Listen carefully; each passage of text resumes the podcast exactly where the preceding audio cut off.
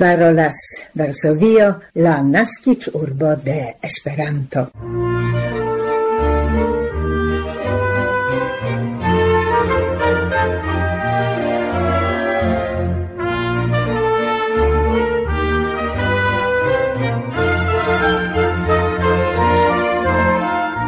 Varman saluton, carei auscultantoi, la dec quinan de februaro du mil dudek kvar.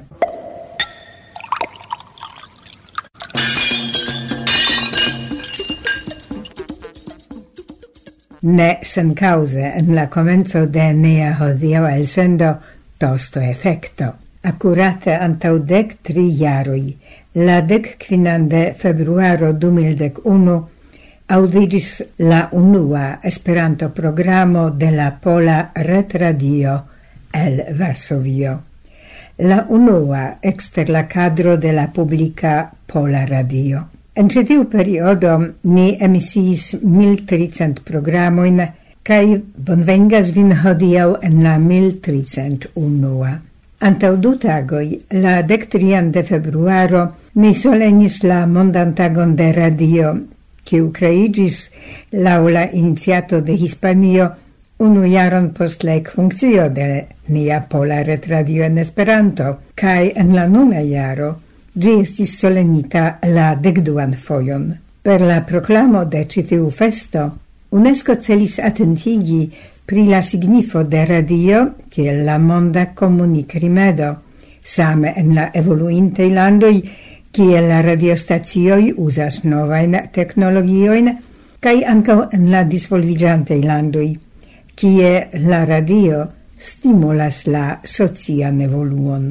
Tio revalidigis la rolon de radio kiel komunikrimedo, kiu en la contexto de la elsendoi en la internazia lingua Esperanto tiun rolon reliefe ludis ekde la komenco kaj daŭre ludas. Antau dec tri jaroj kun la subteno de multei de la plej fidelaj aŭskultantoj ni entreprenis la riscon savi contra la detruo kaj forgeso la tradizion de la tiam quindec du iariginta profesia Esperanto-redakcio en la publika radiostacio, en la pola radiofonio.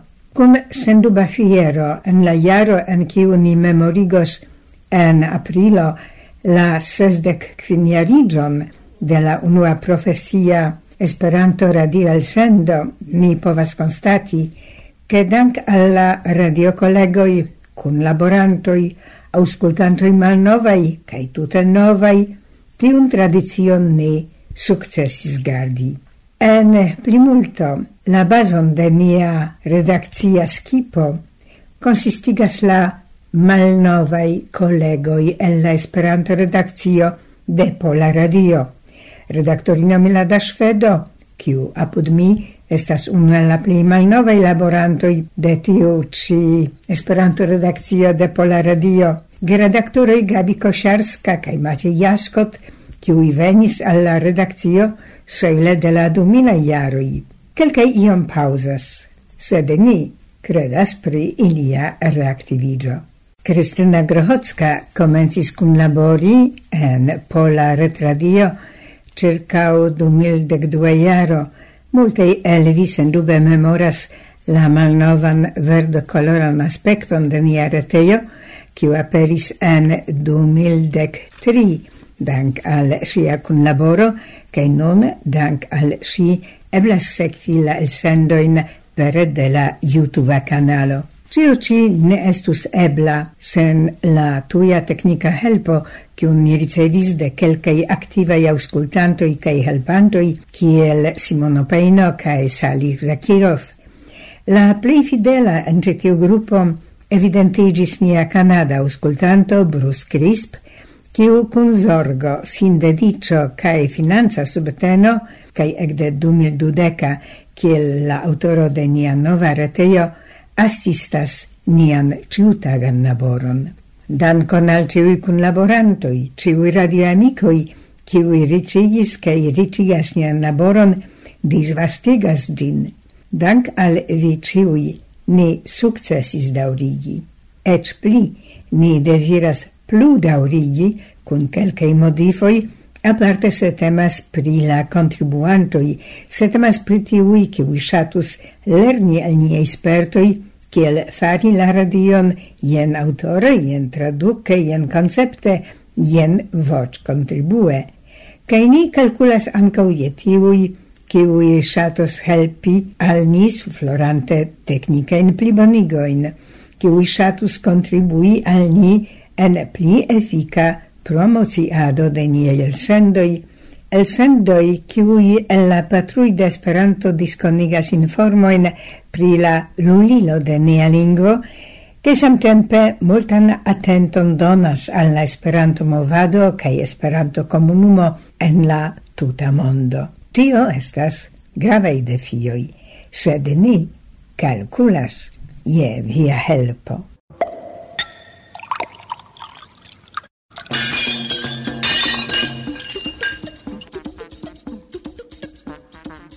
kaj jen enhavo de nia hodiaŭa elsendo, en kiu vi trovos interalie kulturkronikajn informojn kaj Esperanto-komunuman kaleidoskopon.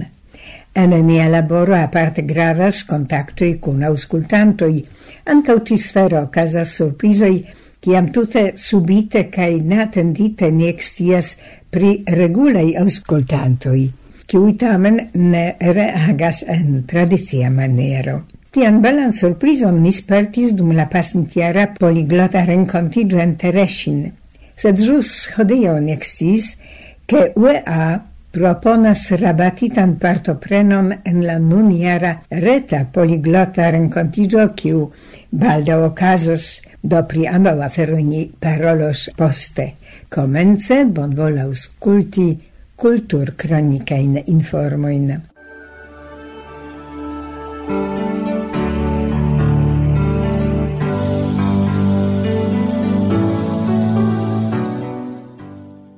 Stare Rzeszów en la sudorienta Pollando solenas la sescent sebdecan da trevenon de sia localizo. Lige cun tio la fondajo de Lubomirski Princoi, cun labore cun la loca officeio de artai expositioi, organizis presenton La moderna arto el la collecto de Lubomirski Princoi.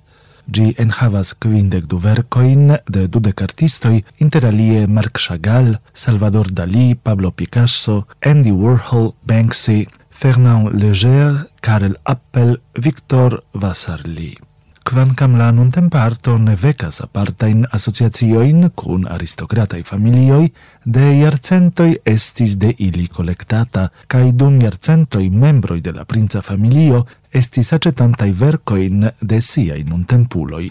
La presentita collecto estas tre varia, cae caracterizas gintio che ciui vercoi creigis post la unua mond milito. Ili representas la playgrava in art fluoin de la postmilita Europo, kiui revoluci igis la arton de la dudeka kai dudekunua iarcentoi. La riĉa kolekto estas ofte prezentata al la publico, povisiam admiri gin artamantoi en ekspozicioj en la regia Wajinki komplekso en Varsovio, en la Nazia Museo en Krakovo, en Palaca Parka komplekso en Przeworsk la expositio La moderna arto el la collecto de Lubomirski princoi en Rzeszów estas visitebla gis la decnaua de maio.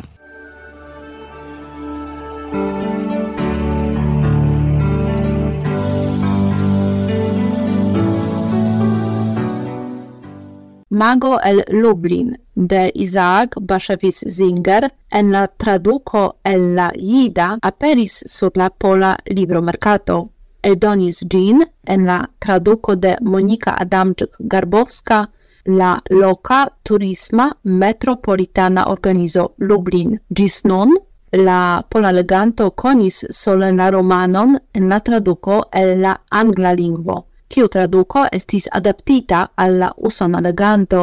Sekve de tio, multaj detaloj karakterizaj por la orient-europaj judoj rilate topografion, cuir arton, proprain nomoin, onidiroin, estis en tiu ci traduco simpligitai. Monika Adamczyk-Garbowska faris sian tradukon baze de la ida texto aperinta en Tel Avivo en 1971. La unua traduco de Kristina Scherer en la polan lingvon en la angla aperis en 1983, sed pro traduca fonto lingvo gi estis senigita je detaloj signife gravai por la pola leganto.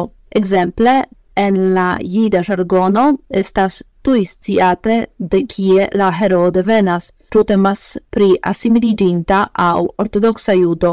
Do, en la originala jida versio estas pli fortai bildecai esprimoi.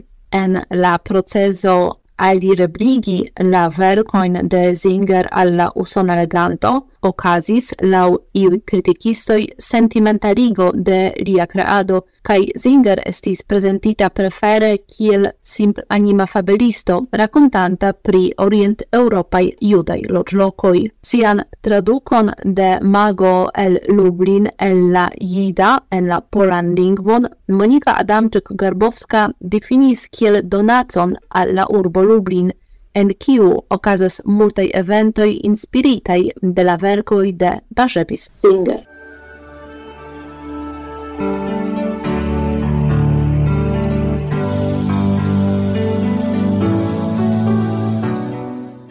inter la subjectoi cae fenomenoi ciui pasintiare estis registritai en la pola listo de nemateria cultur heredajo trovigas ministai blovorchestroi el la supra Silesio. La registro ligigas ne sole cun ilia existo, sed ancau cun la tradizioi, ciui referenzas al la funcciado de mineioi cae la regiona Silesia laboretoso. La registron subtenis la Muzeo de la Carbominado in Zabrze, dan calcio daure eblos cultivi la tradicioin, kiui povus esti forgesitai lige kun la fermado de ministai labor entreprenoi. Post citiu successo iam estis entreprenitai clopodoi che la culturai tradizioi de la ministai blovorchestroi el la Supra Silesio ectrovigiu ancau sur UNESCO listo de nemateria cultur heredajo.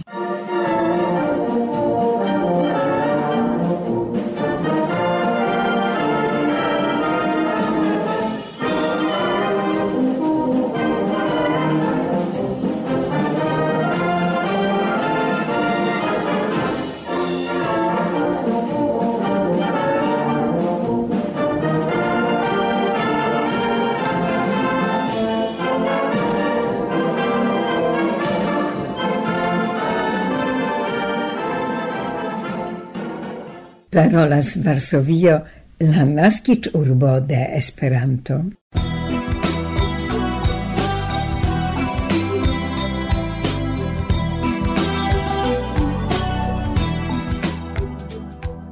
La organizantoi de la quardexessa Esperantologia konferenco dum la centnaua Universala Kongreso de Esperanto en Arusho, Tanzanio, Mark Fetes kaj Bengt Arne Wikström alvocas faculoin, esploristoin, cae interesigiantain congresanoin, aparte iunulain cae unuafoiain partoprenantoin al gia nuniara eldono, planita kiel evento hibrida.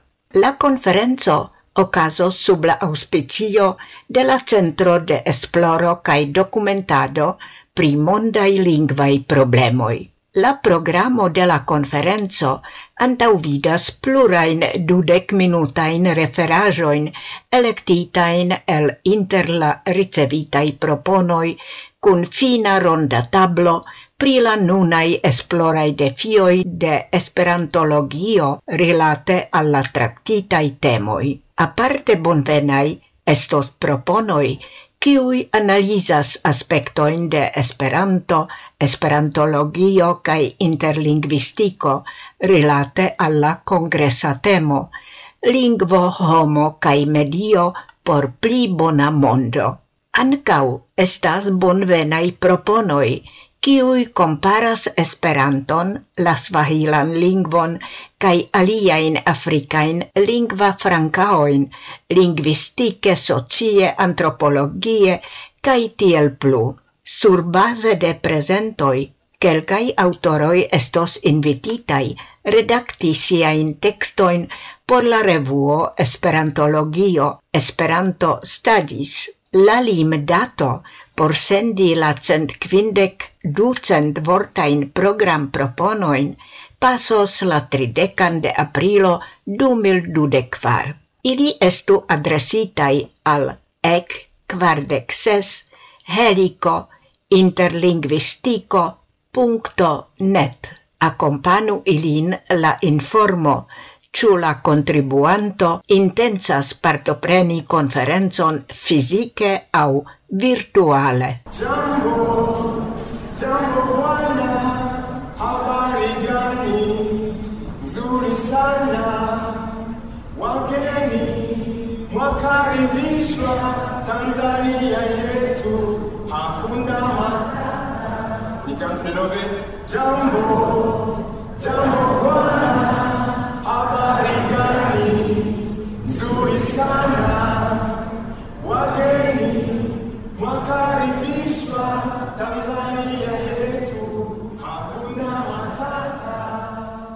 Ne ciui povos veni al Arusho, sed iam logas diversai landei kongresoj.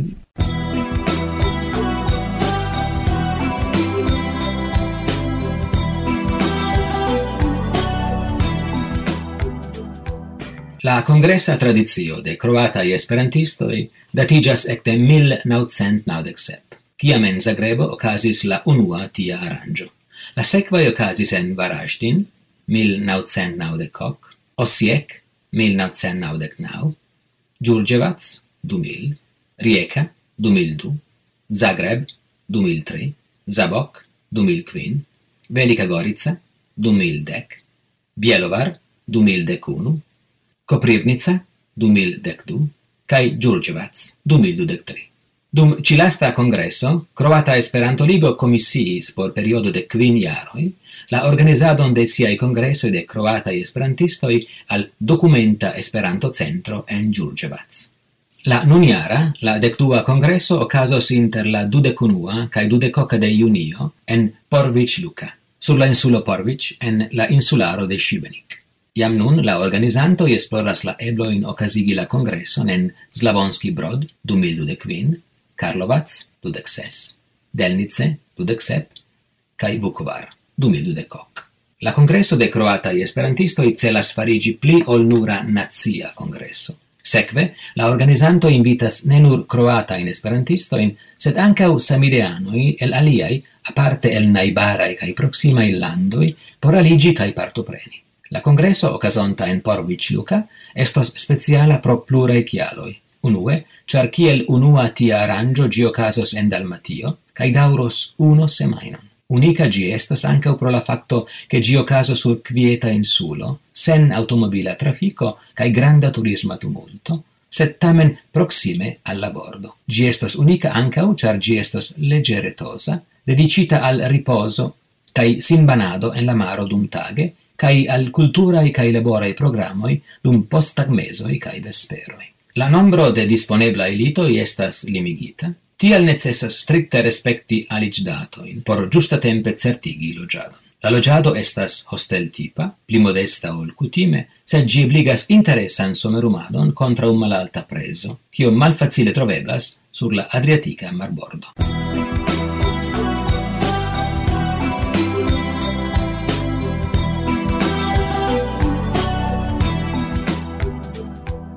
La naudeca Itala Kongreso de Esperanto ocasos inter la dudekvara cae la tredecunua de aŭgusto 2024 en Montecatini Terme cae debatos pri la temo Esperanto por lingva kaj interkultura kompetento.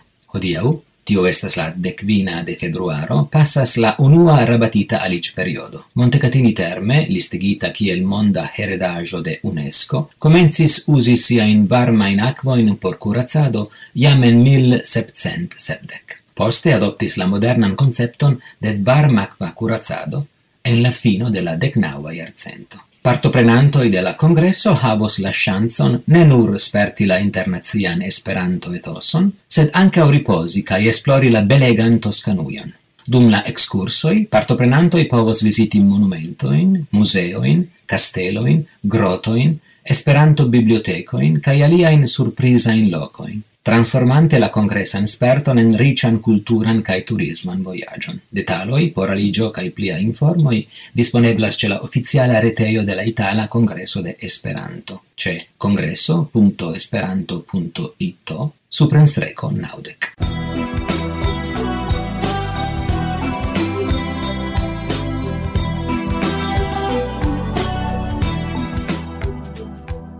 Ciam mi estis pretigante la elsendon en Facebooko, aperis la annonzo de UEA kiel sponsoro de la poliglotei rencontigioi en 2024. Tiu ocase, UEA proponas rabato in al sie individuai membroi cae al esperantistoi generale. Cadre de la sponsorado de UEA alla retta poliglota rencontigio Ciu individua membro de UEA raitas je kvardek procenta rabato de la cotizo. Se la individua membro aligas gis hodiau la dec quina de februaro, un normalan cotizon de quindec euroi, pagos nur tridec euroin. Aldonendas, che gis nun iam aligis pli ol tricent personoi alla reta poliglota rencontigio. Tiu annonzo estas vere bella coincido por ni, anco en nia hodieva programo, referenzu a nia sponsorita partopreno en la virtuala cae fisica poliglotei rencontigioi 2023. Inter alie en Tereshin ni rencontigis cun iu gis tiam neconata auscultanto de niei elsendoi el Madrido.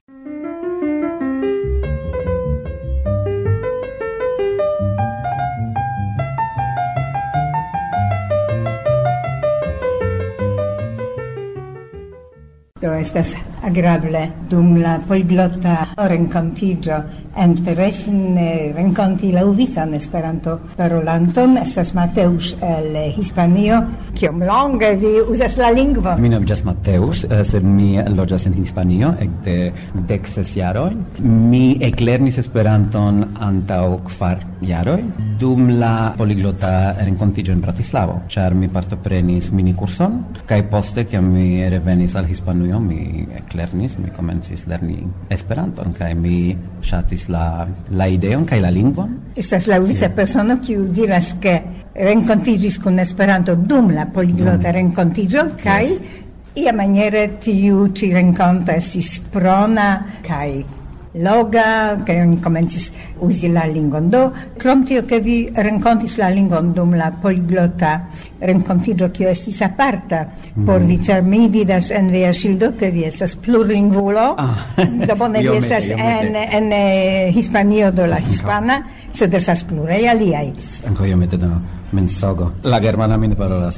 Sed comprenas bonege, sed jes, mi comprenas bonege, sed mi ne parolas. Kio estas io aparta en tiu Esperanto mm. renkontita. Do mi eklernis Esperanton post la renkontiĝo kaj poste mi mi volis kontakti Esperantisto en Hispanujo, sed mi estas tre okupita, ĉar mi ne havis tempon. Ankoraŭ post kvar jaroj mi ancora ne havas personon kun kiu mi povas paroli en mia ciutaga vivo Kaj en kiu urbo vi loĝas? Mi loĝas en Madrido. Eh, mi scias perfekte ke estas homo, estas esperantisto, estas vigla movado, sed mi ne estas en kontakto Ĉu eblas do demandi pri kio vi okupiĝas en Hispanio, polo kiu loĝas tie jam delonge? Mi estas instruisto, mi instruas la anglan kai anka la hispanan iomete en privata universitato en Madrido mi mi anka instruas pri fonetiko kai fonologio iomete da eh, lingvoscienco mi estas scientisto lingvoscientisto sciencisto kai doktoro en lingvoscienco estas mia profesio Gratulon. Vi progressis multe en Esperanto. En de tiuj kvar jaroj vi eĉ estas inter tiuj kiuj subiĝas al la lingvo ekzameno. Yes, yes, ĉar tio motivas min en uh, ciui lingvoi uh, eh, tio motivas min havi uh, examenon motivas min por lerni pasintiare mi faris labo 1 nivelon kai antau du semaino mi faris labo 2 sed mi ne scias mi ne konas ancora la la resulton de la de la ekzameno hmm? no, mi supozas tamen ke vi havas la nivelon vi iom uzis mm.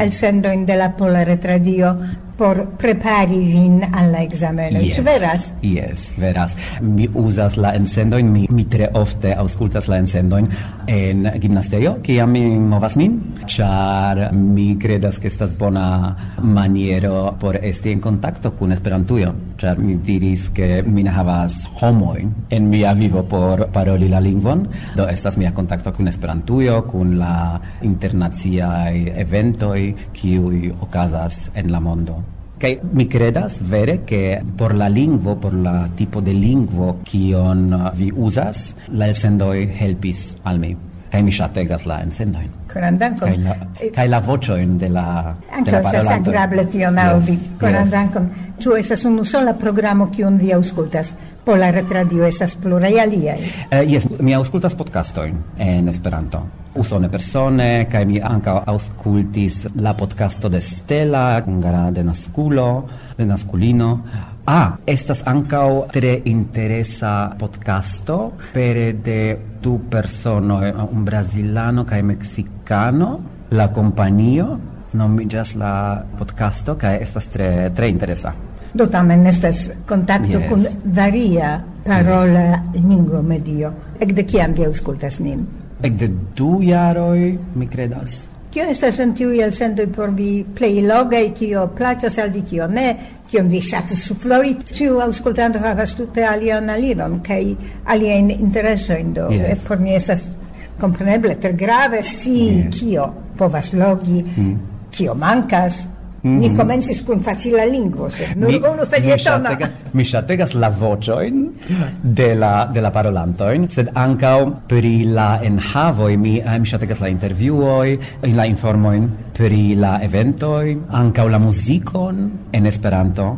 Tio estas tre interesa kaj ankaŭ la uh, la literaturon la beletron en Esperanto aŭ tradukojn de la ekzemple de la pola literaturo en Esperanto, ĉar Mi credas che mi auscultis, Covadis Kaj la polaj temoj, kiuj aperas en la elsendoj, kiom grade ili interesas vin, kiom ili donas aŭ kiom ne donas, estas indiferente ili preferus ion alian. Ne, mi estas... Uh, hm, mi estas el Pollando, mi estas Polo, Do, tiui temoi interesas al mi. Fakte ni, ni estas eh, uh, ce la poliglota rencontigio e mi parolas mian denaskan lingvon la tutan tagon, ĉar ĉar ĝi mankas al mi. Do se mi aŭskultas vian elsendon el Madrido, mi ankaŭ interesiĝas pri la la polaj temoj. Hm? Do ĉiukaze koran dankon pro tiuj ĉi informoj. Koran dankon. Kaj se temas pri la ĝuste tuj kontaktaj Esperanto-komunumaj informoj, kiamaniere sen kontakto kun Esperanto, kun kontakto pere de la parola lingvo, pere de kelkaj mm -hmm. podcastoj Kia maniere vi krome flegas la lingvon? Kia maniere vi nu jes ah. Eh, orientigas ĉume? Eh, mi parolas al mi mem, kaj kun mi mem mi faras strangajn aferojn. mi, mi nur parolas kun, kun mi mem, ĉar mi ankaŭ uh, eh, poste aŭskultas min mem. Jes, mi korektas min, sed ne, sed ne multe. Mi parolas al mi mem. Ĉu tio estas iu ofta praktiko?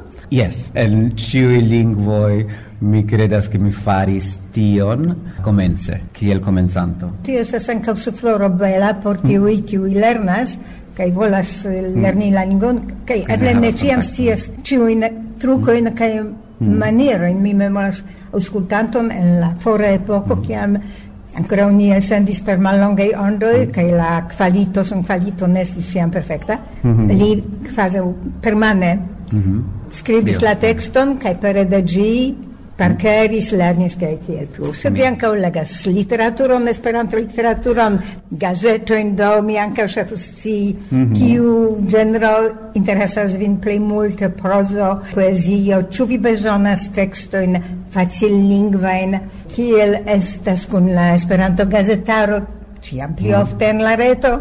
Yes, mi ŝatas legi prozon, Mi legas plej ofte prozon, pli ofte prozon ol poezion.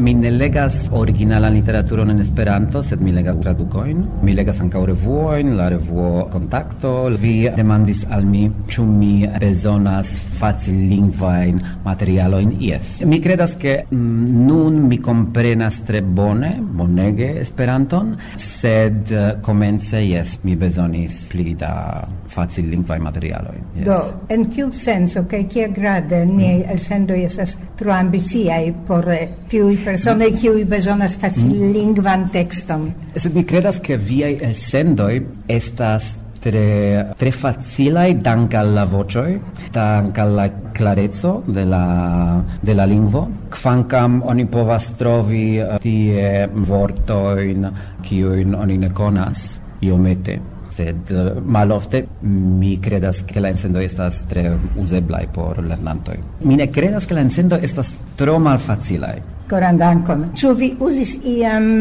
tiujn rubrikajn tekstojn, ĉerpaĵojn in la elsendoj, kie estas kaj la sono cerpita el la elsendo, kiun akompanas teksto? Ne, ancora ne. Tion vi ancora ne... Mi ne faris tion ancora, sed mi faros.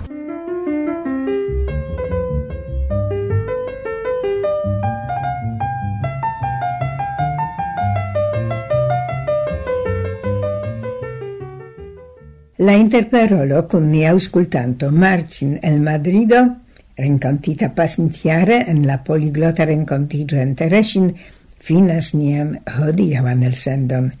Kun la espero, che vi pasigis belan tempon, nia flanque tapeto. Comentu cae subitenu nian laboron ce nia UEA conto Vars strecoto. Carei auscultantoi, gis la raudo.